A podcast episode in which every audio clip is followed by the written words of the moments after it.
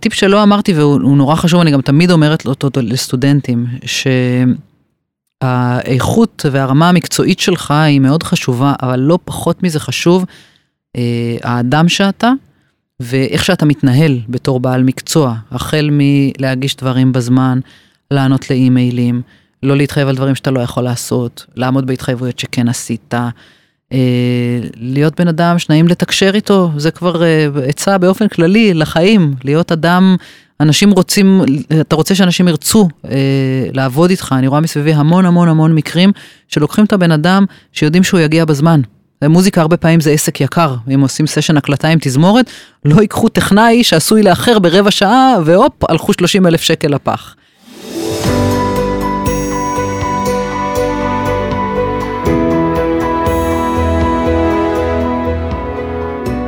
להצליח במוזיקה, פודקאסט אופטימי על קריירה במוזיקה, על שיווק למוזיקאים ועל איך לקחת את החלומות שלכם ולהפוך אותם ליום-יום שלכם. עמית ויינר מארח אורחים מוזיקאים, יוצרים ואומנים שמספרים על החיים והבחירות שלהם בקריירה.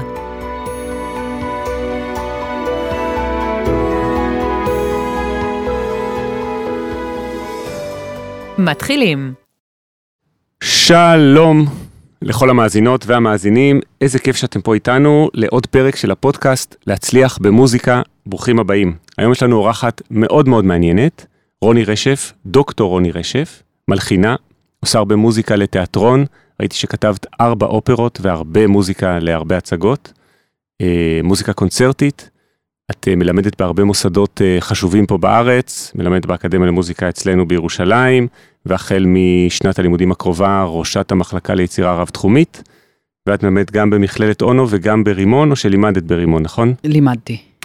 נהדר, אז איזה כיף שאת פה איתנו, רוני. בואי uh, תציגי את עצמך למי שלא מכיר, ואז נצלול לשאלות uh, ככה על התחום עצמו שבו את uh, מתעסקת.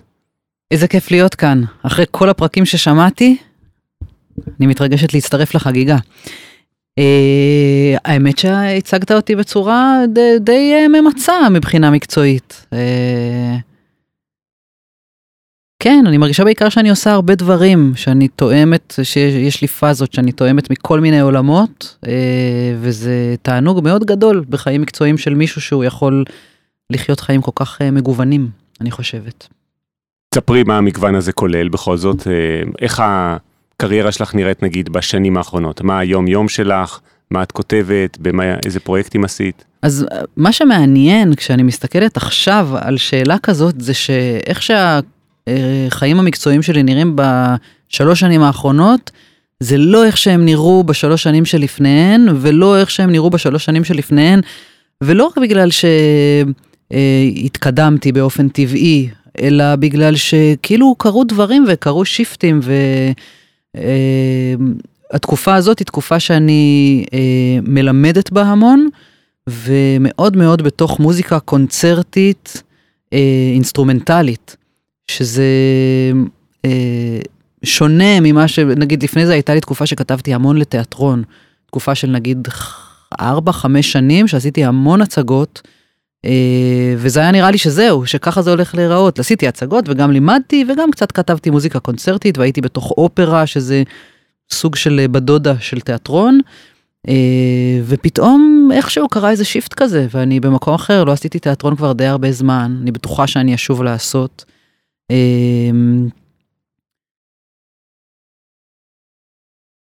בוא נצלול ישר לכמה שאלות מעניינות שבטח uh, מעניינות אנשים uh, מקשיבים לפודקאסט, הרבה אנשים שהם uh, מוזיקאים, מוזיקאיות, uh, וחלקם בטח uh, גם מלחינים מוזיקה וכותבים מוזיקה. אז uh, לא סיפרתי גם שזכית בפרסים, לאחרונה גם בפרס אקו"ם, נכון? נכון, ממש נכון. השנה בעצם. ממש השנה, פרס כן. פרס אקו"ם ל... פרס אקו"ם, סליחה? איך הוא נקרא הפרס הספציפי? וואו, זה, אתה מתקיל אותי. פרס אקו"ם לעידוד פרסום היצירה. מדהים. אה, כן. אז למי שמתעניין בתחום, מה ההבדל לדעתך ומבחינתך איך שאת רואה את זה בין לכתוב מוזיקה לתיאטרון למוזיקה קונצרטית? האם יש הבדל או שהאם את אה, מתייחסת לזה אותו דבר? יש אלמנטים דומים, אבל בגדול אלה שתי דיסציפלינות שונות, בעיקר מבחינת העולם אה, שבו הן מתקיימות, הלא מוזיקלי, העולם אה, נקרא לזה התעשייה שסובבת את זה, השוק שסובב את זה.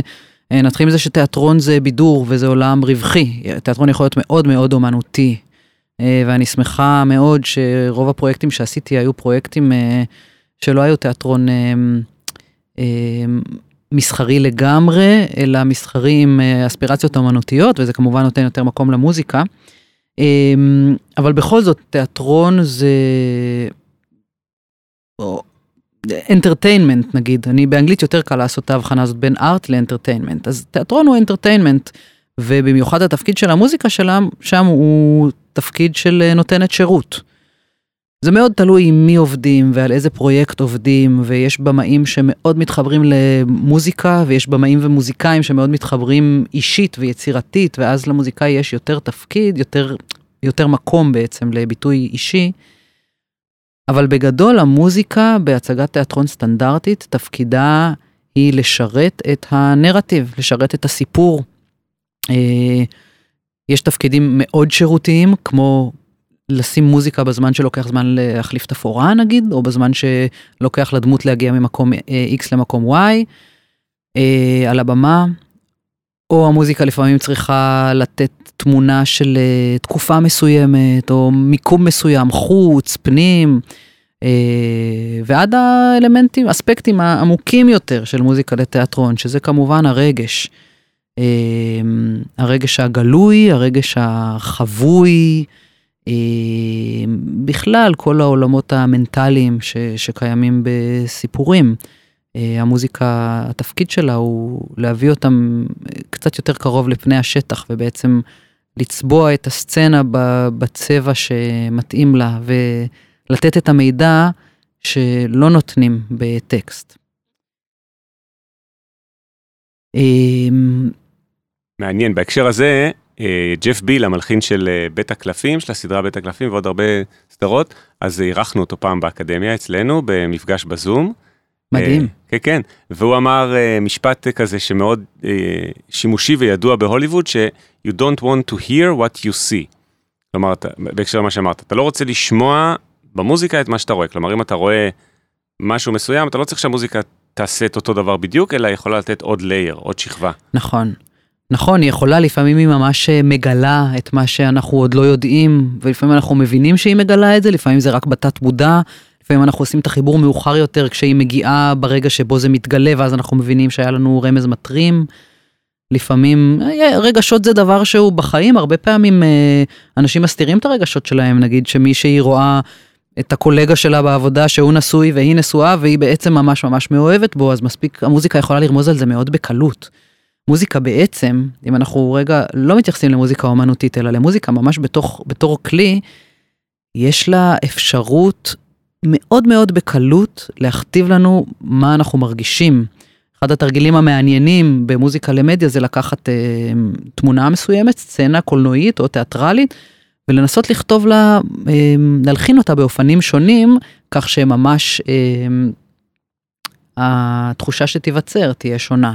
זה לא אפשרי. וזה יכול להפוך ממתח לקומדיה רק בגלל המוזיקה. זהו, כמעט. אז בדיוק רציתי להגיד שלא כל סצנה אפשר לעשות ככה, אבל יש סצנות, נגיד מישהי אה, עומדת בפינת רחוב ומסתכלת על מישהו עובר.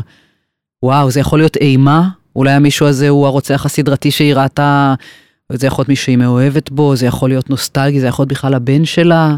אמ, אז המוזיקה באמת יכולה לתת את הדיוק לסצנה כזו.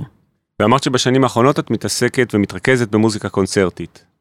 נכון, אז uh, מוזיקה קונצרטית זה עולם מאוד מאוד שונה, בגלל שבמוזיקה קונצרטית, um, אפילו אם מכתיבים לך משהו מסוים בהזמנת היצירה, בדרך כלל uh, הרוב המוחלט פתוח בפניך בתור מלחין, ואתה, זה כאילו יש לך קנבס נקי שאתה יכול לצייר עליו מה שאתה רוצה, אתה יכול לעשות ניסויים בסאונד.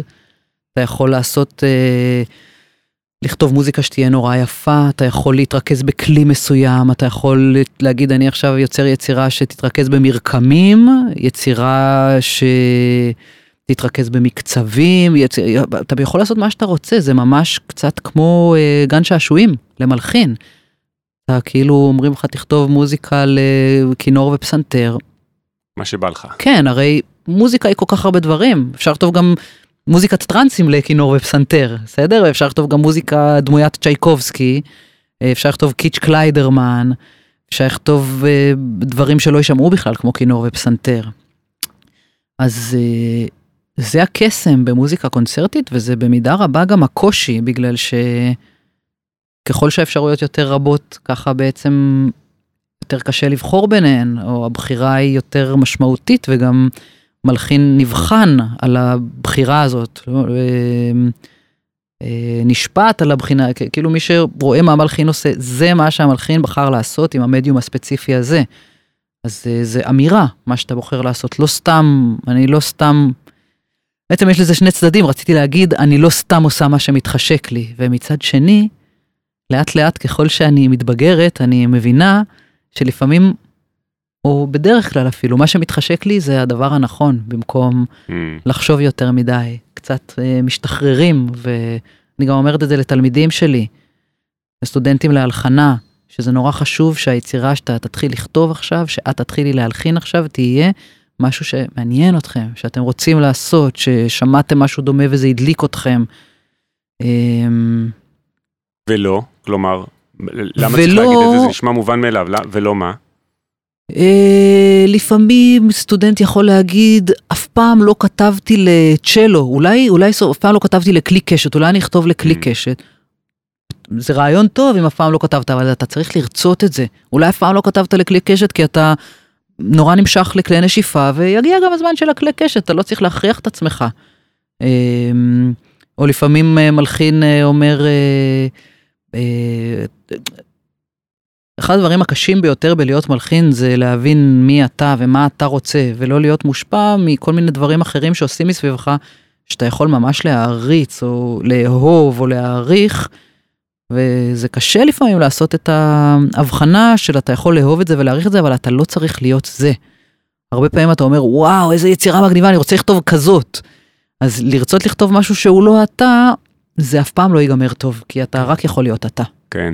נראה לי אז שזה יהיה מעניין, אני חושב שנקדיש עוד דיון לעניין הזה, כי אני הבנתי בעצם שאת המלחינה הראשונה בפודקאסט עד כה של מוזיקה קונצרטית. כלומר, היו הרבה אורחים מכל גווני תעשיית המוזיקה, אה, טכנאי מיקס, טכנאי מאסטרינג, אה, מנכ"ל Universal, אני מזמין את כל המאזינות ומאזינים ללכת לפרקים קודמים, אה, מלחינים של מוזיקה לסרטים, מלחין של מוזיקה למשחקי מחשב, ובעצם זו פעם ראשונה שיש פה מלחינה שגם עושה מוזיקה קונצרטית ומתרכזת בזה, אז אני חושב שיהיה מעניין שנקדיש לזה עוד דיון, אה, למי שמתעניין בזה, וככה ניכנס ממש לעומק של העניין.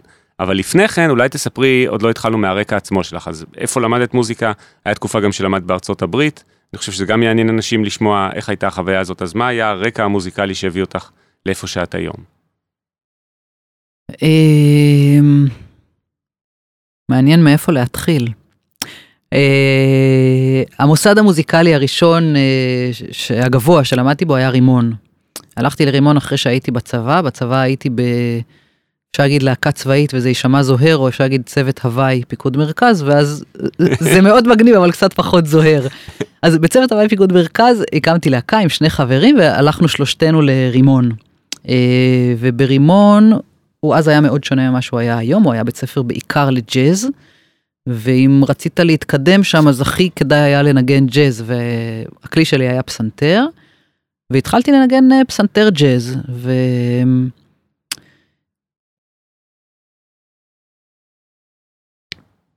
בעצם ברימון הבנתי שאני לא מבצעת אלא יוצרת. כי mm. לאורך כל החיים המוזיקליים שלי עד אז, אה, היה לי די ברור, לא באופן מודע, אבל זה היה די ברור אם היו מסתכלים על זה שזה לא כל כך כיף לי להתאמן. להתאמן זה דבר נורא משעמם ונורא נורא טכני, זה גם מאוד מספק, כי כשמתאמנים מתקדמים.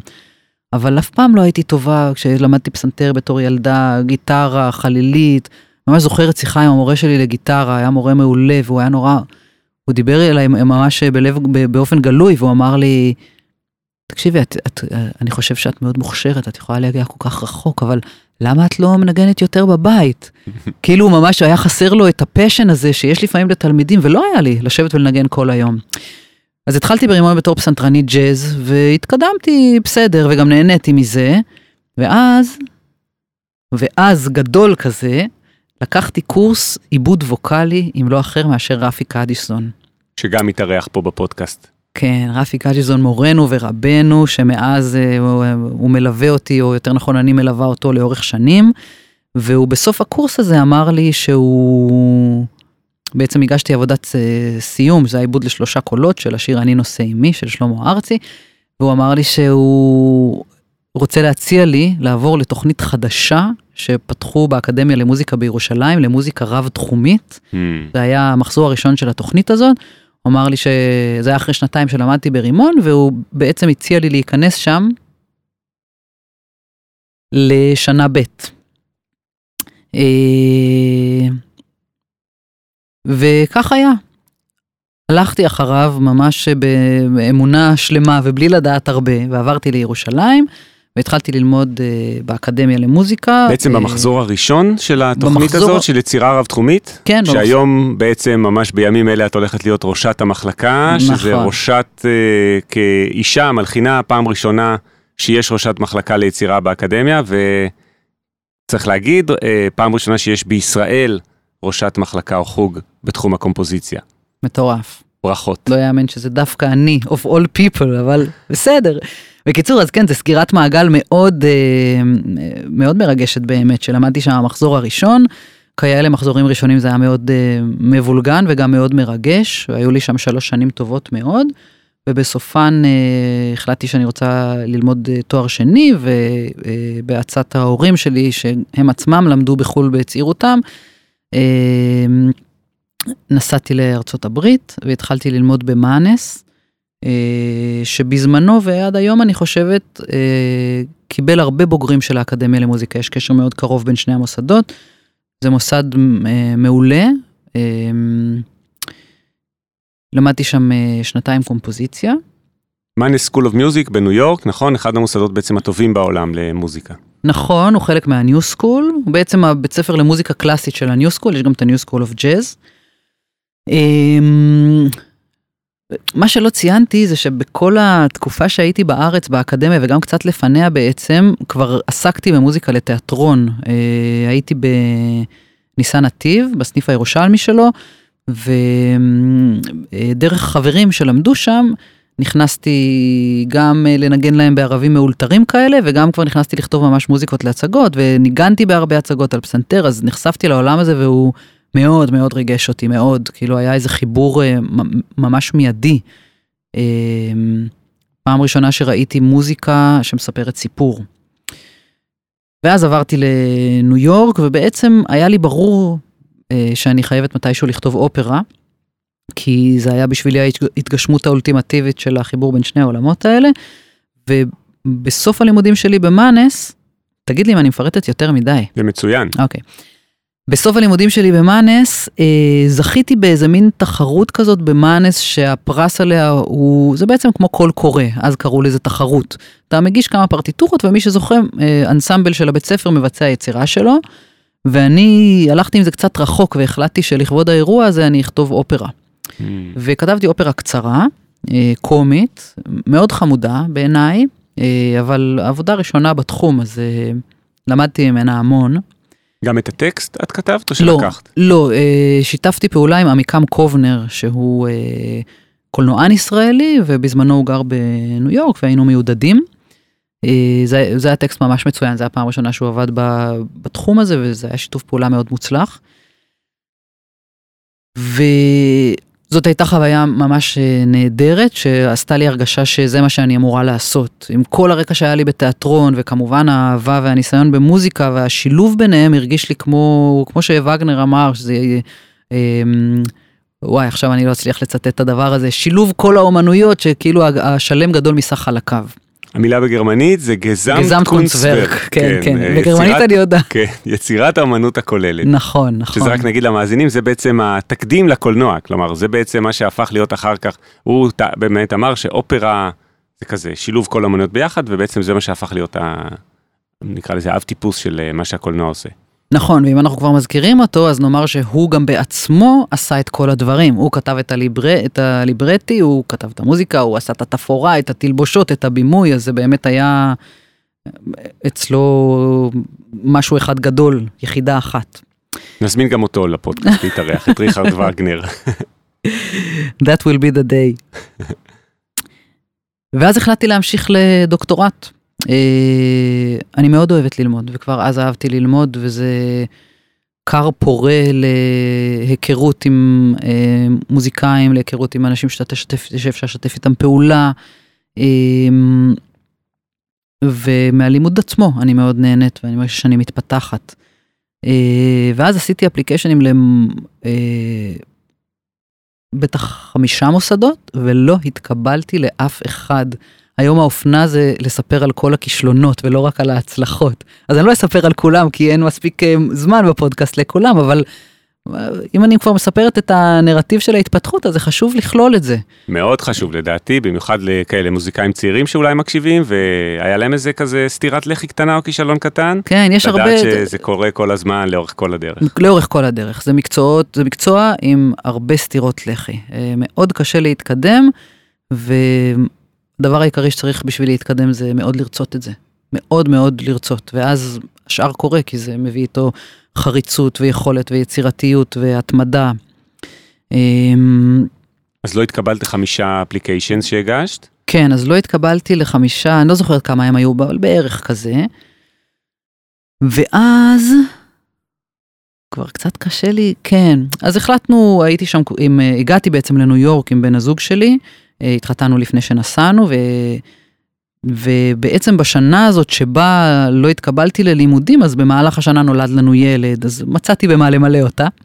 אה, נולד לנו ילד וגם עבדתי על מחזמר חדש, אה, והעלינו אותו שם באיזה פסטיבל. בקיצור, מילאתי את השנה הזאת בכל טוב. ו... אני נזכרת, החלטתי שאני, סליחה, אני אגיד את זה עוד פעם. בארצות הברית כל מי שמסיים לימודים גבוהים יכול להישאר אוטומטית, לקבל ויזה לעוד שנה בשביל להתנסות מקצועית. Mm. וכמעט כולם עושים את זה כי זה באמת אה, פונקציה מאוד אה, שימושית ומתבקשת. אז נשארנו את השנה הזאת, גם נולד לנו ילד, גם אה, כתבתי והתקדמתי וכתבתי את המחזמר הזה, וגם אמרתי לעצמי שאני אשפץ בשנה הזאת את תיק העבודות כדי להגיש שוב לדוקטורטים, וזה מה שעשיתי.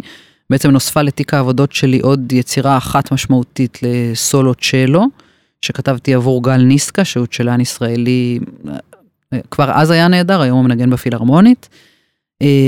ועשיתי עוד סדרה של אפליקיישנים לדוקטורטים, עכשיו אה, לעשרה בערך, וזומנתי לראיונות בשניים מהם. כלומר, שניים מתוך 15, אם עשינו את הספירה. לא, בגלל שחלק היו חופפים. חופפים, כן, אוקיי. זאת אומרת, כל החמישה חזרתי עליהם שוב. Mm-hmm. ו...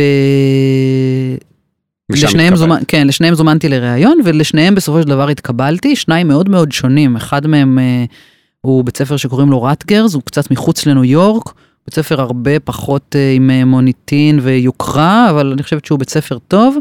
והוא נותן לך מלגה מלאה, ובתמורה אתה מלמד, כלומר זה מבחינה פרקטית מאוד מאוד נוח.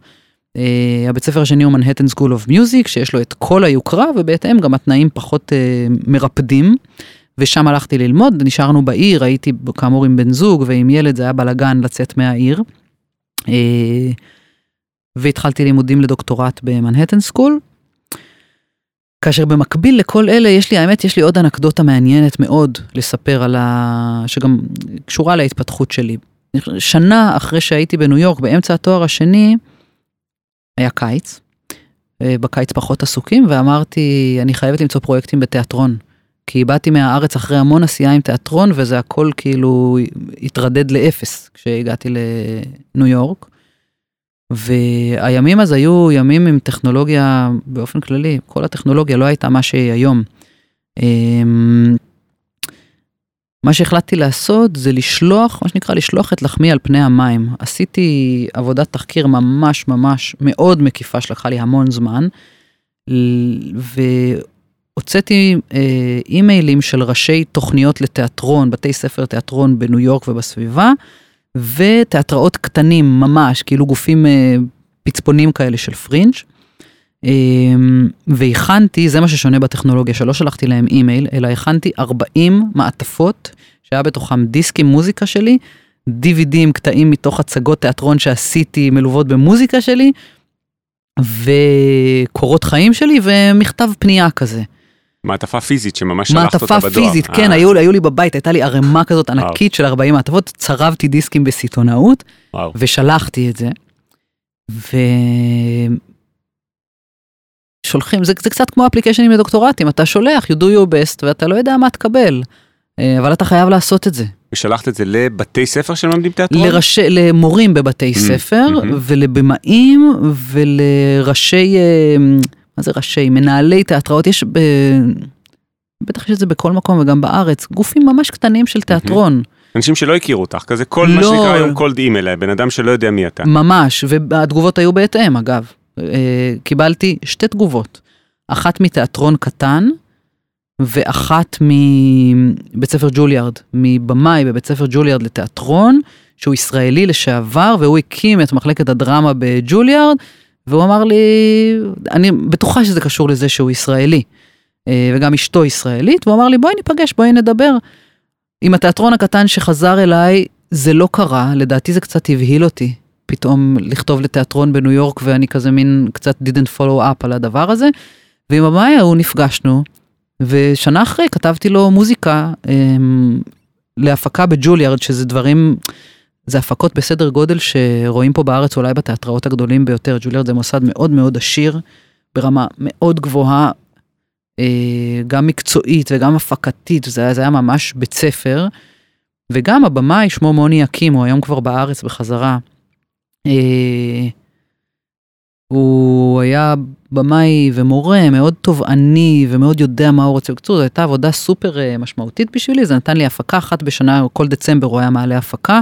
זה היה לי לגמרי מספיק, הייתי עסוקה עם הרבה דברים חוץ מזה, וככה שמרתי על הגחלת הזאת ו...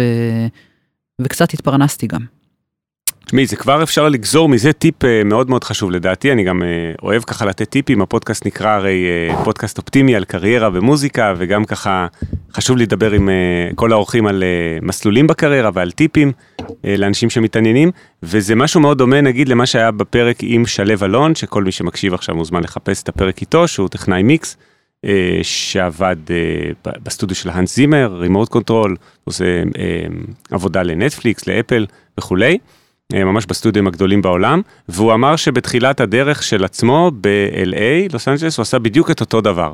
כלומר, את אותו cold emails, שזה לפנות לעשרות של אה, אולפנים, בדיוק את מה שאת אמרת, וגם אחוזי החזרה היו אה, דומים, כלומר זה בערך, אצלך אמרת 2 מתוך 40, אז אה, חמישה אחוז נגיד, משהו כזה, אז אה, וזה משהו שאני חושב שהרבה פעמים לאנשים מאוד קשה, קשה לשלוח, והאגו נפגע מזה שלא עונים לך, שעונים לך לא. אה, האגו הוא מאוד שברירי כשאתה ככה אה, שולח את, ה, את היצירה שלך לאנשים ומצפה לתגובה. אז נראה לי שזה כבר טיפ מאוד מאוד חשוב לאנשים שפשוט לשלוח, מקסימום יחזרו אליכם אה, חמישה אחוז מתוך המעטפות. מה שמדהים זה שהרבה פעמים החמישה אחוז האלה הם מספיקים. אני לא רציתי יותר, וגם, וגם, אני כבר לא זוכרת למי ששלחתי, אבל עשיתי דברים ברמה כל כך גבוהה שם בג'וליארד, שכאילו מבחינתי זה, זה, זה ענה על הציפיות שלי הרבה מעבר למה שחלמתי. אז, וואי, אה, אני חייב לספר על סיפור בהקשר הזה, אנקדוטה. משלי, מה שנקרא. יאללה, עוף שגם על זה. גם אותה את לא יודעת. כי זה בדיוק מה שאת אומרת, זה לא כל כך משנה כמה, אלא זה משנה מי. מספיק אחד. ש... אז אה, לי פעם היה משהו ממש חלטורה בסינמטק ירושלים, פסטיבל הקולנוע היהודי, משהו כזה שסרט אילם שנפל להם אה, ממש שבועיים לפני, לא היה להם פסנתר, לא היה להם מוזיקה לסרט האילם, מצלצל אליי מישהו מההפקה, אומר לי תבוא וזה, בתקציב מאוד נמוך. בקיצור, משהו שגם נשמע לי המון עבודה, וגם בתקציב נמוך, וגם תוך שבועיים לעשות את זה, בכל זאת אמרתי כן. אה, בא- באולם בסוף, כזה אני ניגנתי פסנתר וזה, באולם בסוף היו ממש מעט אנשים, לא יודע. אולי כמה עשרות, כמה אנשים יבואו לראות אה, אתה סרט מרגיש אילם. שכל המאמץ בשביל מה הוא היה. בדיוק, כאילו. גם קיבלת מעט כסף וגם כמה עשרות אנשים. אבל בהקשר למה שאמרת, מתוך העשרות האלה, אחד היה איש ממש חשוב, אה, מנהל פסטיבל הקולנוע היהודי בהונג קונג, Hong Kong Jewish Film Festival, שכתב לי אימייל פשוט כמה שבועות אחרי, או אני חושב אפילו כמה חודשים, שלושה חודשים אחרי, שהוא היה בקונצרט, נורא התלהב ורוצה להזמין אותי להופיע את זה עם האנסמבל, אה, בכזה open space בהונג קונג בפסטיבל הבא. אז, מדהים. אה, ככה. מדהים, זה מתקשר לי למה שאמרתי קודם, שבעיניי הוא ממש הגרעין, הבסיס של כל העשייה של, שלנו, של האומנים, שחייבים לרצות את זה. חייבים לרצות, הרי למה עשית את הדבר הכל כך לא משתלם הזה? כי רצית לעשות אותו. זה, ו, וברגע שנמצאים בעשייה, מגיעה עוד עשייה. לגמרי. ואי אפשר להיות בעשייה רק אה, אם זה מתגמל, או רק אם זה מתאים, או רק אם זה נוח, או רק צריך להיות בעשייה כל הזמן, ואם רוצים, אז נמצאים בעשייה כל הזמן, ומגיעים דברים, מה שתיארת זה מדהים, שבדיוק ישב שם דווקא הבן אדם הזה. דווקא הבן אדם הזה. כן. יאללה, אז תמשיכי, אז באמת אז הגשת, ואז בסוף התקבלת, והלכת ללמוד ב Manhattan School of Music, דוקטורט. בקומפוזיציה בעצם. נכון, דוקטורט בקומפוזיציה. אה, היה לי שם ממש אה, מדהים, היו שם קורסים מאוד מעניינים, זה ראוי לציון אני חושבת, כי באמת לא מספיק מדברים על למידה. היה לי קורס על סטרווינסקי, אה, שנתן בן אדם שהכיר את סטרווינסקי, וואו. ממש וואו, מרתק. אה,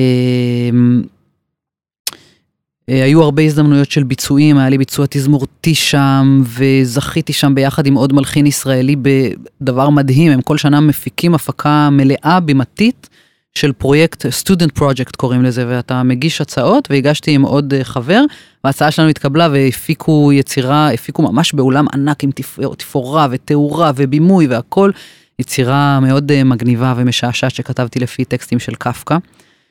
אמ, וגם כתבתי את הדוקטורט עצמו, כתבתי על אופרה. ו... מה היה הדוקטורט? כלומר, מאמר אה, מחקרי על אופרה? כן. מה? באיזה נושא? אמ, הכותרת הייתה משהו כמו Contemporary Equivalent of Recitative and Aria, Hmm.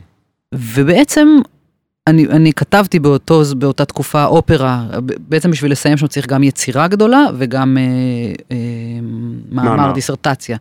היצירה שכתבתי הייתה אופרה, ממש אופרה באורך מלא, ומאוד נאבקתי עם השאלה של באיזה שפה פונקציונלית לכתוב.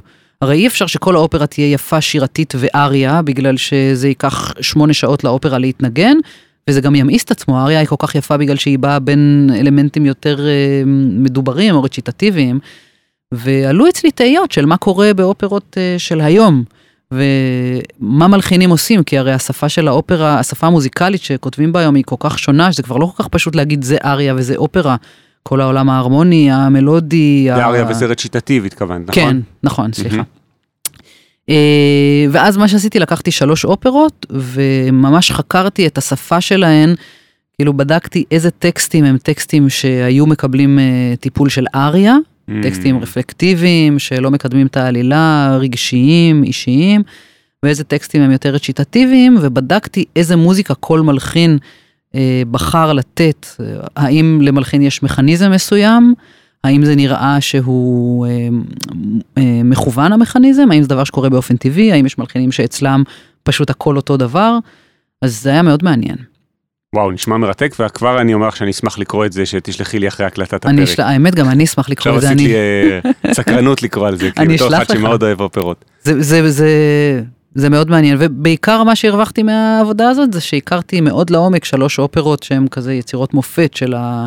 שלושתן נכתבו בסביב שנות האלפיים, אז אה, The Turn of the Century כזה. Mm, מוזיקה ממש contemporary, כן, ממש ממש אה, contemporary, מודרניסטית. כן, של אוקיי. ג'ון אדמס האמריקאי, אה, של קאיה סריהו שנפטרה לא מזמן, הפינית, ועכשיו אני לא זוכרת את שמו, זה קצת מביך, אה, אה, מדרום אמריקה, מלחין נשים אה, ב description נהדר. אה, קישור אם יש לחלק. מהמאמר או משהו כזה. אוקיי.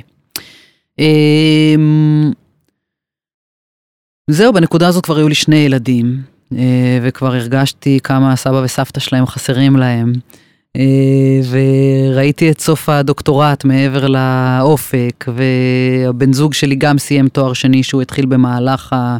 והתחלתי לדחוף, לחזור לארץ, אה, בניגוד לכל אה, מחשבה הגיונית. אה, זה היה אה, הקיץ של צוק איתן, את Mm. הקיץ שהתחלנו לחשוב בו על לחזור לארץ, אה, או אפילו הקיץ שחזרנו בו, אני כבר לא זוכרת. חזרנו אחרי צוק איתן, אני לא זוכרת אם שבועיים אחרי או שנה ושבועיים אחרי, אבל אני זוכרת את התחושה שאומרים לנו בשביל מה אתם חוזרים, זה כל כך אה, קשה פה, שאנחנו מסתכלים על מה קרה בשנים האחרונות מאז, אז אה, עושה רושם שזה רק מחמיר.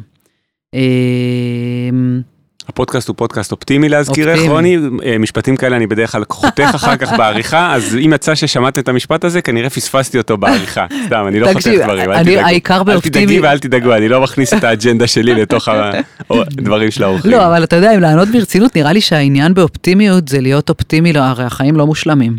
אז השאלה היא איך אנחנו אופטימיים למרות האתגרים. אה, ובאמת חזרנו, לא יודעת אם זה נכנס לרובריקה של אופטימיות, אבל למרות כל הספקות חזרנו. אה, ואולי אני אחזור אה, לאקדח שיורה במערכה הראשונה, לרפי קדישזון. שלימד אותי אי שם ברימון. כן, כן. והעביר אותי בעצם לפרופיל של יוצרת, ממסלול. של מבצעת, כן. כשלקראת חזרתי לארץ, עשיתי את אותו הטריק של אה, לשלוח 40 אימיילים, ושלחתי אימיילים לכל מיני אנשים פחות, לא 40, וגם לאנשים שאני מכירה בארץ, להגיד שאני חוזרת. נפגשתי עם אנשים באקדמיה למוזיקה, אה, דיברתי עם רפי קדיסון, דיברתי עם, אני כבר לא זוכרת עם מי, עם כל מי שחשבתי שיכול איכשהו לסייע. אה, פשוט להיכנס חזרה לעשייה, ללמד, לכתוב. חזרתי לכלום, לא ידעתי למה אני חוזרת. ורפי קדישסון אה, אמר לי, בואי תתחילי ללמד בקריית אונו, יש שם את הבית ספר שהיה פעם הד, אה, בדיוק צריך שם עכשיו מורה לתיאוריה, בואי תלמדי. אה, והתחלתי ללמד שם, ולמרות שלימדתי קודם, בדוקטורט לימדתי פיתוח שמיעה במנהטן סקול, גם תואר ראשון וגם תואר שני, אבל פיתוח שמיעה זה נושא, מקצוע שמאוד קשה ללמד, מאוד מאוד. אפשר לעשות על זה, אתה יודע, אפשר לעשות על זה תוכנית פה בפודקאסט, כי זה נושא מעניין בעיניי. נכון, נכון. אמ, וכשחזרתי התחלתי ללמד בקריית אונו ולימדתי אה, תיאוריה, שזה הרמוניה, וגם פיתוח שמיעה. וגיליתי שאני אוהבת את זה, וגם שאני טובה בזה, כלומר שנורא מרוצים ממני. זה היה, זה היה הפתעה, לא כי חשבתי שאני לא טובה, אלא כי אף פעם לא עסקתי בזה באופן אינטנסיבי ו, ולא קיבלתי שום פידבק. ונשארתי שם במכללת אונו והתקדמתי והתחלתי ללמד קצת יותר. ובמקביל אה, הייתי בקשר עם האקדמיה למוזיקה בירושלים, כמו שאתה יודע, אה, עד שאיכשהו נפתח פתח, ובעצם אתה יצאת לשבתון והוזמנתי להחליף אותך לשנה, והתחלתי ללמד גם שם. אה, שני מוסדות מאוד שונים אחד מהשני, וזה אה, כיף אה, ומגוון ללמד בשניהם. ובשנים האלה, מאז שהתחלתי ללמד באקדמיה, הפכתי יותר ויותר מושקעת ב... בהוראה. הוראה זה דבר שבסופו של דבר לוקח זמן ומאמץ והרבה מהאנרגיות, כי אם רוצים לעשות את זה טוב, ואני תמיד רוצה לעשות את מה שאני רוצה טוב, כי ככה זה יותר כיף לעשות. אה, זה דורש הרבה מאמץ והרבה השקעה. אה, ואיכשהו קרה, אני לא יודעת אם זה מקרה או לא, אבל קרה שבמקביל לזה שהתחלתי ללמד באקדמיה, התחלתי לכתוב יותר מוזיקה קונצרטית, זה נהיה ממש אפוס.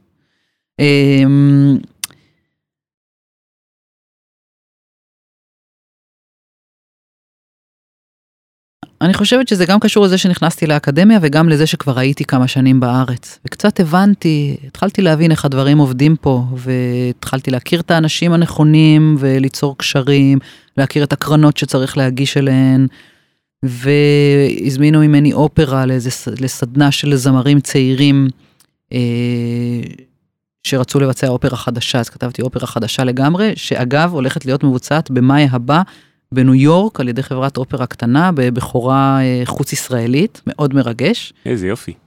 מאי. הבא זה אומר מאי 24, כן, למי שמקשיב לפרק ב-2028, אז אה, כנראה כבר בוצע מאז עוד אה, עשרות פעמים. לגמרי, לגמרי. אופרה על חייזרים, וואו, אה, ועל הורות, ואופרה, אה, סיפור נורא נורא יפה, שמאוד השקעתי בה. אה, ובמקביל, שכנה שלי, שהיא גם חלילנית פנומנלית, אה, התחילה פרויקט של מלחינות, דפנה יצחקי, התחילה פרויקט של אה, מוזיקה של מלחינות ישראליות לחליל וגיטרה, והזמינה ממני יצירה. ואיכשהו הדברים האלה בסוף מצטברים לאיזה מסה, וברגע שהם מנגנים אותי יותר, רואים אותי יותר, וכאמור, עשייה מובילה לעשייה. נכון. אמ, וזה נורא מילא אותי.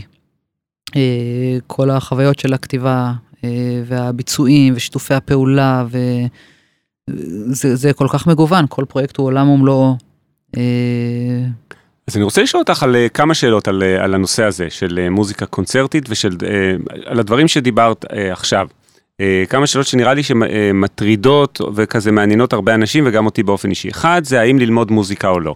אמרת הרבה פעמים לאורך הסיפור האישי שלך שאת מאוד מאמינה בללמוד ושאת מאוד אוהבת ללמוד. ויש הרבה אנשים שגם מתייעצים איתי, נגיד כזה משתחררים מהצבא וזה, אפילו לפני צבא לפעמים, מצלצלים אליי ומתייעצים או פונים אליי באימייל, האם ללמוד מוזיקה, ואם כן, האם ללמוד במוסד כלשהו לא. אז מה האינפוט שלך על זה? האם כדאי ללמוד במוסד מסודר, ללמוד באופן פרטי, או ללמוד מהאינטרנט, לא עלינו? וואו. יצא שאמרתי אפילו את דעתי באיזושהי צורה בניסוח השאלה. תראה, אבל לא אמרת אפשרות נוספת והיא לא ללמוד, לא רק. להיות בעשייה. אוקיי, אז תגידי מה דעתך. ויש גם את הז'אנר הזה, אה, כשלמדתי ברימון עם החברים שלי שהיו איתי בלהקה צבאית, אז אני נורא התמסרתי ללמידה ונהניתי, והבחור מהשלישייה, היינו שתי בנות ובחור, הוא ממש פיתח אג'נדה, הוא הרגיש שהלימודים מזיקים לו, שזה מסיר את היצירתיות הטבעית והבתולית שלו, שהוא מתחיל לחשוב יותר מדי, ושהוא מרגיש שהוא כבר לא עושה את הדברים באופן אמיתי כמו שהוא. אז זו אג'נדה בפני עצמה, שאני מאוד uh, מבינה אותה ורואה למה הוא התכוון, זה לא אני, ויכול להיות שיש אנשים שזה מתאים להם. אני חושבת שהאתגר האמיתי בללמוד מוזיקה זה איך לא לתת לכל החומר שאתה לומד ול... אה, כל המיומנויות שאתה לומד, להשתלט על, עליך לגמרי, איך אתה שומר על הגחלת של הילד, אה, בסדר? של המשחק, של לשחק במוזיקה, אה, של היצירתיות החפה מכל... שכלתניות. כן, או מגבלות. Mm.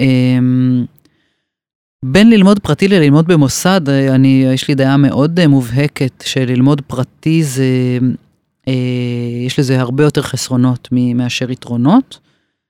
אה, כי אחד הדברים המרכזיים שמרוויחים בלימודים, במוסד, הם אה, קבוצת השווים שלך. הם קבוצת... הקשרים השווים. אוקיי. קבוצת השווים, כלומר חברי הכיתה שלך, mm. חברי המחזור שלך, מי שלומד איתך ב... אתה בעצם אה, מכיר עוד המון המון אנשים שהם כמוך, ודבר ראשון אתה לומד מהם, כי הם איזשהו סוג של מראה לעצמך. אתה רואה בהם את כל הדברים שדומים לך וששונים ממך, אתה מקבל השראה מהדברים שיותר, שאתה רואה שהם יותר טובים ממה שאתה חושב שאתה, או אתה מקבל ביטחון מלראות אנשים שהם קצת פחות, או אתה מבין שכל אחד הוא אחר וכולם מעולים, אבל זה, זה נורא חשוב מבחינה אישית ושל ההגדרה של העצמי, להיות בחברת עוד אנשים שדומים לך. ובנוסף, ככה נוצרים קשרים, הרי המוזיקאים, 95% מהמוזיקאים הפעילים, הם תלויים במוזיקאים אחרים לשתף איתם פעולה, בין אם זה מלחינים שצריכים מבצעים, בין אם זה מבצע שצריך עוד נגנים לאנסמבל, בין אם זה החלפת רעיונות, אבל בחיים עצמם ממש כמעט אף פעם לא עובדים לבד. אה, אה, רגע, בוא נ... נחזור ולכן את בעצם ממליצה כן ללמוד, אם כבר ללמוד, את אומרת שמבחינת ללמוד או לא ללמוד את uh, מכבדת את שתי הגישות נגיד, אבל אם כבר ללמוד אז uh, יש יתרון גדול בללמוד בסביבה. נכון, נכון, קשה לי אפילו, לא, לא ספרתי, אבל בעצם חלק מאוד מאוד גדול מהאנשים שאני עובדת מולם היום, הם למדו איתי איפשהו באחד מהשלבים של הלימודים, או שפגשתי אותם בניו יורק, או שהיו איתי באקדמיה, או שהיו במקביל אליי לאקדמיה, או שהיו ברימון, אבל בסופו של דבר, כל האנשים שיהיו אני ואתה בעוד 20 שנה, ושיהיו רפי גדישזון בעוד 40 שנה, הם היום לומדים באחת מה, באחד מבתי הספר בארץ. יפה. אז זה חשוב להכיר אותם. טוב, סיכמת את זה מאוד יפה, ואני גם מסכים אה, עם העניין המוסדי. יש באמת, אה, כמו שאמרת, אתה, כשאתה לומד עם מורה פרטי, אתה כמו באנטארקטיקה, אתה בעצם אה, בתוך איזה בועה שממה, אתה לא יודע מה קורה סביבך, אתה יכול להמציא גלגלים שכבר הומצאו מזמן מצד לגמרי, אחד. לגמרי, לגמרי. לעבוד נורא קשה ולעשות משהו שכבר נשמע פסה ומיושן, ואתה גם לא, אין לך פרופורציה על, על הדברים שאתה עושה ועל היכולות שלך ועל האיכויות שלך. אה, לטוב ולרע בעצם, אתה פשוט לא יודע מה, מה קורה סביבך. נכון, ניסחת את זה באופן מדויק. אז, אה, ועוד משהו לשאול אותך, אה, גם היה פרק עם מיכל טל, שאני מזמין את כולם וכולן לשמוע, שגם דיברה הרבה על העניין המגדרי. אז בואי בכל זאת נדבר, את מלחינה, ויש נושא רחב פה לדבר עליו, קודם כל, למה פחות נשים לדעתך באות ללמוד לקומפוזיציה, כי זה משהו שהוא אה, לא עניין אה, סובייקטיבי, זה כזה, זה המספר. המספרים מאוד נמוכים בסטודנטיות לקומפוזיציה בכל העולם. אגב, אני בדקתי אה, פעם, אה, בארצות הברית, אם אני זוכר נכון, זה היה 17 אחוז של וואו. בנות סטודנטיות לקומפוזיציה. אה, ובישראל, תלוי באיזה מוסד, וזה, אנחנו במחלקה אצלנו באקדמיה כזה, יחסית אה, אחוז גבוה, אבל אה, למה זה ככה בכלל לדעתך? אני חושבת שזה נורא ברור שזה ככה בגלל שזה ביצה ותרנגולת. בסדר? אין מודלים. הרי פעם, זה, בעצם הסיפור הוא די ברור לכולם, נראה לי גם שיש הסכמה ממש רחבה. פעם, לפני 200, 300, 400 שנה, נשים היו, היו מדכאים נשים ולא אפשרו להם לעסוק במוזיקה, נשים היו צריכות להישאר בבית, לגדל את הילדים. אם לעסוק במוזיקה, אז uh, רק לכתוב מוזיקה לפסנתר ולכתוב דברים קטנים ולא לכתוב דברים גדולים, כי זה לא נשי וזה לא, זה, זה יש הרי מכתבים של אבא של מנדלסון לאחותו של מנדלסון, על למה מנדל, אה, פליקס מנדלסון כן יוכל להיות מלחין ופאני לא תוכל. אה, יש אה, הרבה עדויות לזה, וזה מאוד מאוד ברור שיש אלמנט של ביצה ותרנגולת, של יש פחות מלחינים, אז ילדות שגדלות לא רואות מודלים לחיקוי. בשביל לשנות את התמונה הזאת זה לוקח דורות על גבי דורות, בכל דור יש קצת יותר, קצת יותר וקצת יותר, אני חושבת שאנחנו במקום הרבה יותר טוב היום ממה שהיינו נגיד כשאני למדתי. ואני בטוחה שבעוד 50 שנה אה, אה, המצב יהיה משופר אה, עוד יותר. אה, אני מאוד משמח אותי להיות אה, בפוזיציה הזאת של להיות, אה, אה, לא מודל, מודל או זהו, לא מוד, אבל מודל מהבחינה הזאת שרואים שיש גם מלחינה. מזה שבנות אה, גדלות והן רואות שיש גם מלחינה ושבצוות של האקדמיה במחלקה שלנו למשל אז יש אמנם רק אחת שזה ממש אה, אני אומרת את זה עכשיו אני אומרת לעצמי זה כל כך מעט עדיין אבל לפחות זה לא אפס. אחת אמ, בחוג שלנו ועוד אחת טליה אמר אה, נכון, בחוג לקומפוזיציה. נכון, נכון שהיא גם עם מרצה מאוד משמעותית באקדמיה נכון. עכשיו, גם נושאת בתפקיד שהיא ראש צוות החדשנות או נכון. משהו כזה. אה, האקדמיה, לזכותם ייאמר, אה, עושה מאמצים, זה, זה חשוב להם להכניס נשים. תגידי, ואת באופן אישי, נגיד דוגמה, בפרק עם, מיכ... עם מיכל טל, שבאמת פרק מאלף, אני ממליץ את כולם, לכולם לחזור לשמוע. אני מדברת, שמעתי. וזה באמת פרק מאלף, מאלף. אז היא מדברת על זה שהיא ממש, אה, זה אצלה ב state of mind, כלומר שתלמידים ותלמידות באים ללמוד פסנתר בגיל צעיר, היא נותנת להם גם מוזיקה שמלחינות, ואמרתי לה, את יודעת מה, ואני זוכר שפתאום כשהיא אמרה לי את זה אמרתי לה אני מעולם לא ניגנתי מוזיקה שמלחינה כשהייתי פסנתרן קלאסי אה, נער, כלומר הייתי מנגן כל מיני אתיודים אה, מאפנים של כל מיני מלחינים רוסים שאף אחד לא מכיר אותם היום, מושקובסקי שאני לא יודע מה השם הפרטי שלו, אבל לא פאני מנדלסון mm-hmm. או לילי בולנז'ה או מלא שמות נוספים שמיכל בקיאה בהם.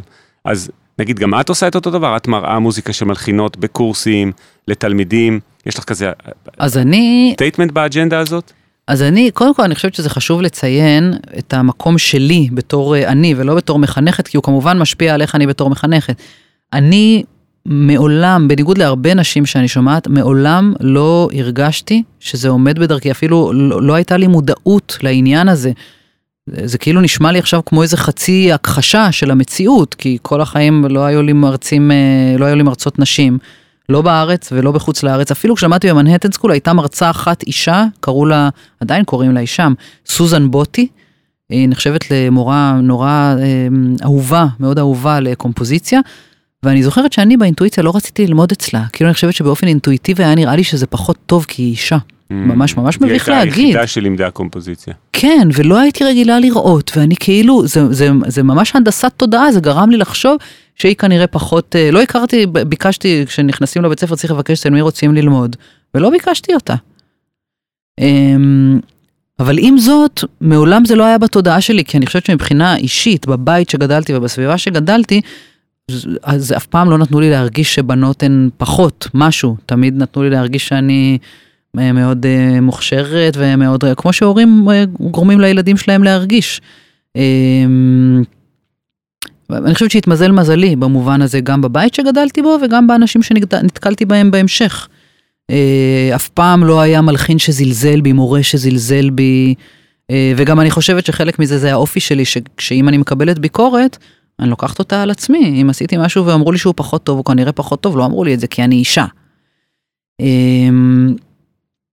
ואז כשבאתי ללמד באקדמיה, זה ממש, זה מטורף להגיד, אבל רק אז נחשפתי לכל הדבר הזה, לכל Mm. הנושא המבעבע הזה של אה, אה, ההבדלים המגדריים בעולמות האלה של הניצוח ושל הקומפוזיציה. אה, והיה גוף באקדמיה, גוף של סטודנטיות אה, מאוד מרשימות, אה, פרואקטיביות, שהקימו גוף שהאג'נדה שלו הייתה לדאוג לשוויון, לקדם שוויון, אה, לדאוג ל- לתמוך בסטודנטיות שצריכות תמיכה שמרגישות שהן מופלות לרעה, אה, והן פנו אליי, וכשהתחלתי ללמד קורס תזמור, ואמרו לי, אולי תכללי גם אה, דוגמאות של מלחינות. אמרו לי את זה, אמרתי, וואו, זה רעיון ממש אה, מעולה. ומאוד ראיתי את מה שהן אומרות, זה מטורף, כל הדוגמאות, לימדתי שנה אחת תזמור, כל הדוגמאות, או שסמסטר אחד, כל הדוגמאות היו של גברים. ואז בסמסטר הבא דיברו איתי ואמרתי, טוב, וגיליתי שמאוד מאוד קשה למצוא דוגמאות של אה, אה, נשים מלחינות, דוגמאות שיהיו ספציפיות נכונות למה שאני צריכה לשיעור תזמור, צריך אה, יצירות בתזמור מסוים, באורך מסוים, בסגנון מסוים. ומכל מה שאני רוצה יש מיליונים של גברים ושלוש של מלחינות, ואז אם אני מנסה לעשות אה, חיפוש באינטרנט כדי למצוא את השלוש האלה, אז זה קשה, כי הן לא מדוברות. מעניין, ובעצם, אבל היום זה כן משהו שאת עושה אותו באופן אה, מודע יותר? כן, לגמרי, זה, זה פשוט דורש מאמץ, מה, ש, מה שאולי אה, צריך להבין, זה דורש מאמץ, זה פשוט, זה באמת לוקח הרבה זמן לחפש. אני מנסה לעשות את זה ממש כמעט בקורס, בכל קורס שאני מעבירה, חוץ מקורס על באך. שם, שם אין. באך היה אחד והוא, מה נעשה, היה גבר. תגידי, אנחנו כבר כמעט שעה, ויש לי עוד איזה שלוש שאלות ככה שנראה לי שחשוב שניגע גם בהן. אחד, זה אם באה אלייך היום אה, מלחינה צעירה, ילדה, האם את תגידי לה טיפים שונים ממה שתגידי למלחין? ואם כן, מה בכלל היית אומרת לה, שהיא מתייעצת החיים לקחת את הכיוון הזה של להיות מלחינה? לא אגיד לה טיפים שונים מלמלחין. אוקיי, אז מה כן היית אה, אומרת לה? ילדה? אמרת ילדה? נגיד בת 15-16, כן. אמ, אני אגיד לה מה שאמרתי כאן קודם, אני אגיד לה ש... אה, הדבר הכי חשוב זה מה שמניע אותה וכל אחת מאיתנו ואחד מאיתנו אה, אה, ליצור או לעבוד או להתקדם. ושההנאה בעין של הדבר הזה חייבת להיות אותנטית, כלומר צריכים לרצות את הדבר באמת. אמ, כי אם רוצים אותו באמת, אז פשוט עושים אותו, גם אם לא נורא מצליחים, עושים אותו בכל זאת, כי רוצים, כי צריכים כמעט, לפעמים צריכים לעשות את זה, ממש מרגישים שחייבים. וככל שעושים, מתקדמים, גם באופן אישי וגם בנוכחות בעולם ובהתאם בהזדמנויות שמקבלים. אמ, אז טיפ מי מדהים, שנכנס... אני מאוד מאוד מסכים. מי שנכנס לזה חייב אה, להבין שזה קשה, ושהוא, אתה יודע, יש, אה, תמיד מספרים על מורים למשחק שאומרים, אם אתה יכול להיות משהו אחר ולא שחקן, עכשיו תצא מהכיתה ותלך להיות משהו אחר. אם אתה חייב, אז זה כזה מין אה, מיתוס, אה, אגדה כזאת, אבל אפשר להגיד שזה משהו קצת דומה, תבוא להיות את הדבר הזה רק אם אתה מוכן לעבוד מאוד קשה, רק אם אתה רוצה לעבוד מאוד קשה, ללא תלות כמעט במה תקבל בתמורה. שאתה רוצה להיות בעשייה, ולא אני רוצה לכתוב לפסטיבל ההוא בעוד חמש שנים. עכשיו אני רוצה לכתוב את היצירה הזאת. מעניין וטיפ אה, שאני מאוד מאוד אוהב, שזה צריך להיות דרייב פנימי עוד לפני ה...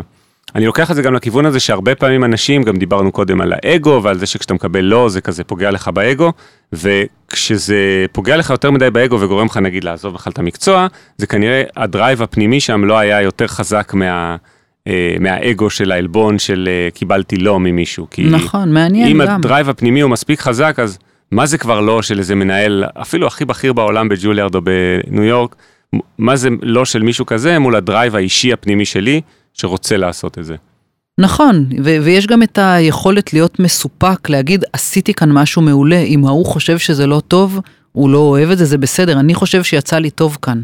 זה כמובן בתנאי שאתה יכול להגיד גם כשיצא לך פחות טוב. יפה. אז זה עוד שתי שאלות אחרונות. אחד, זה מה, איך אה, נראה התהליך עצמו אצלך של יצירת מוזיקה, זה מאוד מעניין אותי, ונראה לי שגם ייתן הרבה אה, השראה לאנשים. כלומר, נגיד שעכשיו מזמינים ממך יצירה, בין אם זה לצ'לו סולו, או אופרה חדשה שאמרת, אה, או יצירה אינסטרומנטלית, בלי טקסט, אז איך את מתחילה את ההתחלה ממש? את הרגעים הראשונים של ההלחנה. אין לי איזה מתודה קבועה, ממש אני לא בדיוק יודעת מה לענות לך, אה, כי זה מאלתרת מאוד... ליד פסנתר, יושבת ישירות על הסיבליוס או על פינאלה. זה שילוב, זה שילוב של המון, לא, לא יושבת ישירות על הסיבליוס או על פינאלה, ממש, ממש לא. אני תמיד שואפת להגיע לשם כמה שיותר מאוחר, זה לפעמים קורה די מוקדם, אבל השאיפה היא להגיע מאוחר, אני אף פעם לא אתחיל מזה, זה הדבר הכי מכבה השראה שיכול להיות בשבילי. אה, זה, זה תמיד מערב ישיבה על פסנתר והאזנה למוזיקה לכלים עבורם אני כותבת, נגיד אני כותבת לטרומבון, אני אקשיב למוזיקה לטרומבון, אה, וגם האזנה למוזיקה של מלחינים שאני אוהבת לאו דווקא לכלים האלה. לפעמים אני מנסה לחשוב על אה, נושאים חוץ מוזיקליים שאני רוצה אולי לכתוב בהשראתם, סיפור נגיד, אג'נדה כלשהי. לאחרונה יצא לי לכתוב שתי יצירות שמבוססות על אה, אה, מכניזם אה, משחקי מסוים של סדר הדברים של, שמשפיע על המבנה של היצירה. כלומר, מעורב קצת מזל, קצת אליאטוריקה, קצת צ'אנס, איך אומרים את זה בעברית? אז מה זה אליאטוריקה? בואי נסביר למי שלא מכיר, אליאטוריקה זה בעצם ש... שיש, אה, שמעורבת אה, מקריות במוזיקה, שלא הכל, שלא הכל כתוב, זה מה שזה על הרטוריקה. אוקיי. זה יכול להיות uh, טיווי גרפי, זה יכול להיות uh, uh, כתיבה במילים של דברים שרוצים בערך, וזה יכול להיות uh, אלמנט של uh, מקריות, uh, של מה נופל מתי. Um, ביצירות האחרונות שכתבתי לקח לי הרבה מאוד זמן להתחיל, המון, המון. Uh, לפעמים שבועות, זה גם במקרה שאני לא ממהרת, של התנסות וכתיבת חומרים, ועד שאני מוצאת משהו שהוא, שאני רוצה להמשיך איתו, שהוא לא נשמע לי, שהוא נשמע לי אמיתי, שהוא שלי, אבל לא משהו שכבר עשיתי ומשעמם אותי. זה קשה למצוא את הדבר המדויק הזה. ואז מהרגע הזה שבו אחרי שפיצחת במרכאות את ההתחלה הזאת, זה, זה מתקדם, אה, את מרגישה שזה רץ יותר מהר, רץ במרכאות, כזה מתקדם יותר טוב? בדרך כלל. Mm. בדרך, יש איזושהי נקודה בכתיבת היצירה שכבר ברור מה היא. עוד לפני mm. שהיא נכתבה, כבר ברור מה היא, ברור מה חסר לה, ברור מה האופי שלה, כאילו, ומזה גם נגזר מה שחסר בה. אה, תמיד יכולות להיות עוד הפתעות, אבל... הקנבס הריק הזה של תחילת היצירה הוא באמת אה, מאוד מאתגר להשתלט עליו בשבילי. טוב, זה כזה משפט נורא מפורסם שגם הנס זימר ב master class אה, שלו אומר, שהרגע הזה שבו הוא מקבל סרט חדש מבמאי, והוא יושב מול ה Cubase, אה, והדבר הראשון שזה כזה מפחיד הקנבס הריק, והוא תמיד רוצה לבוא ולהגיד לבמאי, אולי תיקח מלחין רציני הפעם, לא אותי. משפט שלו, שגם הוא intimidated, כאילו מפוחד ומבועת. כן, מאוים. כן, כן מאותה, מהקובץ Cubase הריק הזה שעכשיו צריך להתחיל להכניס לשם חומר. כן. יפה. ושאלה אחרונה אז רוני, איפה את רואה את עצמך עוד חמש שנים? מה החזון שלך לעצמך לעוד חמש שנים מבחינת הקריירה המוזיקלית שלך? טוב, זה נורא קשה להגיד, גם פתאום אני מרגישה בן אדם נורא חסר דמיון, כי אני רואה את הדברים די דומה לאיך שהם עכשיו, אז אני אומרת לעצמי, מה אני מפספסת? אני רואה את עצמי ממשיכה במסלול דומה של איזון בין הוראה לבין כתיבה, אמ, ואולי פשוט עושה דברים עם פרופיל קצת יותר גבוה. אה, דברים שיקבלו יותר חשיפה ויבוצעו פשוט יותר פעמים. כן, אולי, אולי אם אני מסתכלת על גרף התקדמות, זה מה, ש... mm-hmm. זה מה שאני מאחלת לעצמי. שכמו שהאופרה שהזמינו ממני לפני שלוש שנים בירושלים, תהיה מבוצעת בעוד שנה בניו יורק, אז שעוד דברים כאלה יקרו, ושאני אוכל להגיע עם המוזיקה שלי לעוד מקומות, כי כמובן שעוד מקומות יביאו עוד הזדמנויות ועוד עשייה מעניינת. יפה. אמן ואמן. רוני, יש משהו עוד שאת מרגישה שאת רוצה לדבר עליו לפני שנסיים? איזה משהו שהיה לך חשוב להגיד, איזה טיפ או משהו כזה, לאנשים שמקשיבים?